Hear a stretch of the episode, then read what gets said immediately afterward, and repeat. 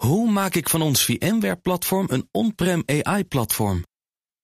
Lenklen, NVIDIA AI Enterprise Partner. Lenklen, betrokken expertise, gedreven innovaties. Tech Update. Ja, de tech-update met Connor Klerks. Goedemorgen, Connor. Goedemorgen. Laten we beginnen bij de beurs in New York en Chinese telecombedrijven. Geen lekkere combinatie misschien. Nee, maar het uh, gaat beter. Oh. De New York Stock Exchange heeft zijn besluit om de drie grootste Chinese telecombedrijven te schrappen teruggedraaid. Dat blijkt na overleg met de autoriteiten over een, uh, ja, een recent Amerikaans investeringsverbod.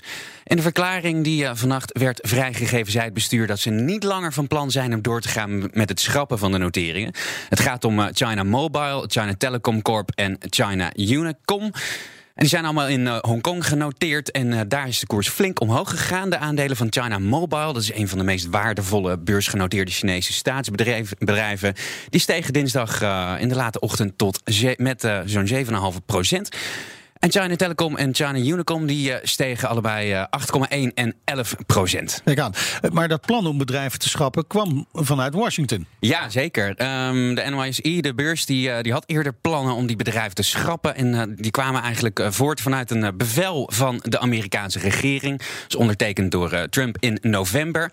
En hij verbood eigenlijk toen Amerikanen om te investeren in bedrijven die volgens de Amerikaanse regering de militaire inlichtingen en veiligheidsdiensten van China leveren of ondersteunen steunen.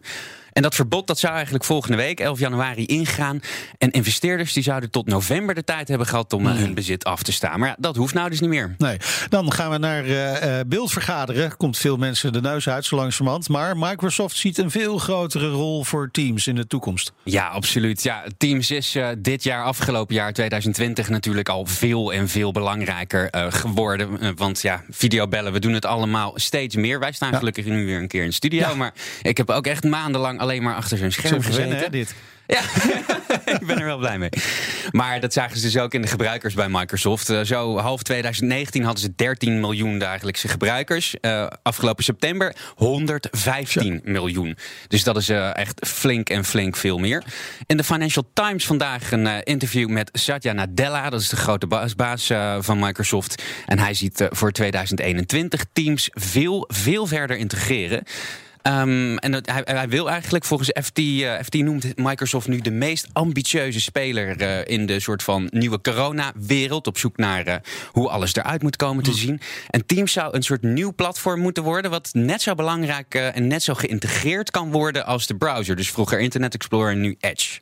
Ja, toch zou je kunnen zeggen dat kijken ze toch een beetje af van de Chinezen waar we het eerder over hadden. Ja, en uh, Nadella die kijkt ook zeker naar China. Hij zegt, in China heb je WeChat en dat is Precies. eigenlijk het ja. internet daar. Alles, alles wat je daar doet met internet, dat is WeChat. En uh, ja, dat zou Microsoft natuurlijk ook wel uh, heel graag willen hebben. Dus uh, Teams zou dan de soort westelijke versie moeten worden van, van WeChat. En binnen Teams zou je dan de, sowieso de eigen apps van Microsoft gaan krijgen. Dus denk de Office apps zoals Excel en Word en alle andere, je mail, al die meuk. Maar ook externe apps, dus voor andere bedrijven, die zouden dan ook weer binnen dat nieuwe platform wat Teams moet worden, een plekje kunnen krijgen. Ja, het zegt ook wel iets over de, de, de kracht van China de afgelopen jaren. Hè, waar we vroeger zeiden, dat is de Chinese variant van iets wat in Amerika was bedacht. Zeggen we nu, het wordt de westelijke, westerse ja, variant ben, ben, van de ben Chinese ik voor een groot deel met je eens. Alleen is het internet in China natuurlijk net wel weer even wat anders. Ja. Hè? Daar kan China ook gewoon zeggen van WeChat, dat laten wij, wij accepteren dat dat, dat gewoon helemaal uh, gecontroleerd wordt. En dat die hele omgeving ja. daarbinnen, dat zie ik niet zo nee, heel snel nee, gebeuren nee, hier. Gelukkig niet. Een uh, slimme bril van Apple, die zou er kunnen komen. Ja, we gaan even vol uh, speculeren. Maar um, nu.nl die, uh, die, die komt in die auto die er ook zou kunnen komen, of niet? ja, misschien wel. Ja. ja, ja. Nee, nu.nl schrijft, uh, schrijft hier vanmorgen over. En dat is op basis van een voorspelling van uh, Menji Quo. Dat is een analist die volgt Apple. En die heeft het eigenlijk wel heel vaak bij het juiste ja. eind. Er zou dus een nieuwe gadget in de maak zijn uh, in Cupertino. En hij zegt nog niet wat precies. Maar hij heeft al eerder voorspeld dat het een augmented reality bril zou kunnen worden. Ja, dus een laag over de werkelijkheid. Ja, precies.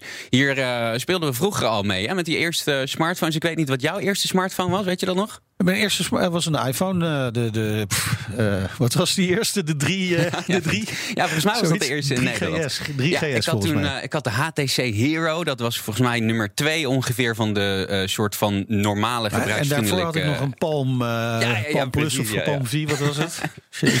Maar dat was, eh, dat is een Android-telefoontje, een van de eerste. En daar had je al wel wat augmented reality toepassingen. Maar ze zien hier nog echt veel meer ruimte in. Denk bijvoorbeeld alvast je kleren passen voor de spiegel... Die je nog helemaal niet gekocht hebt. Of eh, als je een motorblok uit elkaar haalt... dat je de bouwtekening erbij kan kijken. Eh, met een bril naar de sterren kijken... zien eh, welke planeten je eigenlijk aan het bekijken bent. Apple heeft zelf nooit bevestigd dat ze hier aan werken. Maar Tim Cook heeft eerder wel al eens gezegd... AR, dat zou de volgende nieuwe grote technologische stap kunnen zijn. Ja, en eh, Google heeft dit natuurlijk ook al geprobeerd hè, met de, de Glass. Ja, en die staat een beetje te boek als een flop. Maar ik heb dat altijd een beetje oneerlijk gevonden. Want dat ding is natuurlijk nooit echt bedoeld geweest als groot consumentenproduct. Dat was echt eh, een beetje om, eh, om uit te proberen hoe, Ja. dat, hoe dat werkte.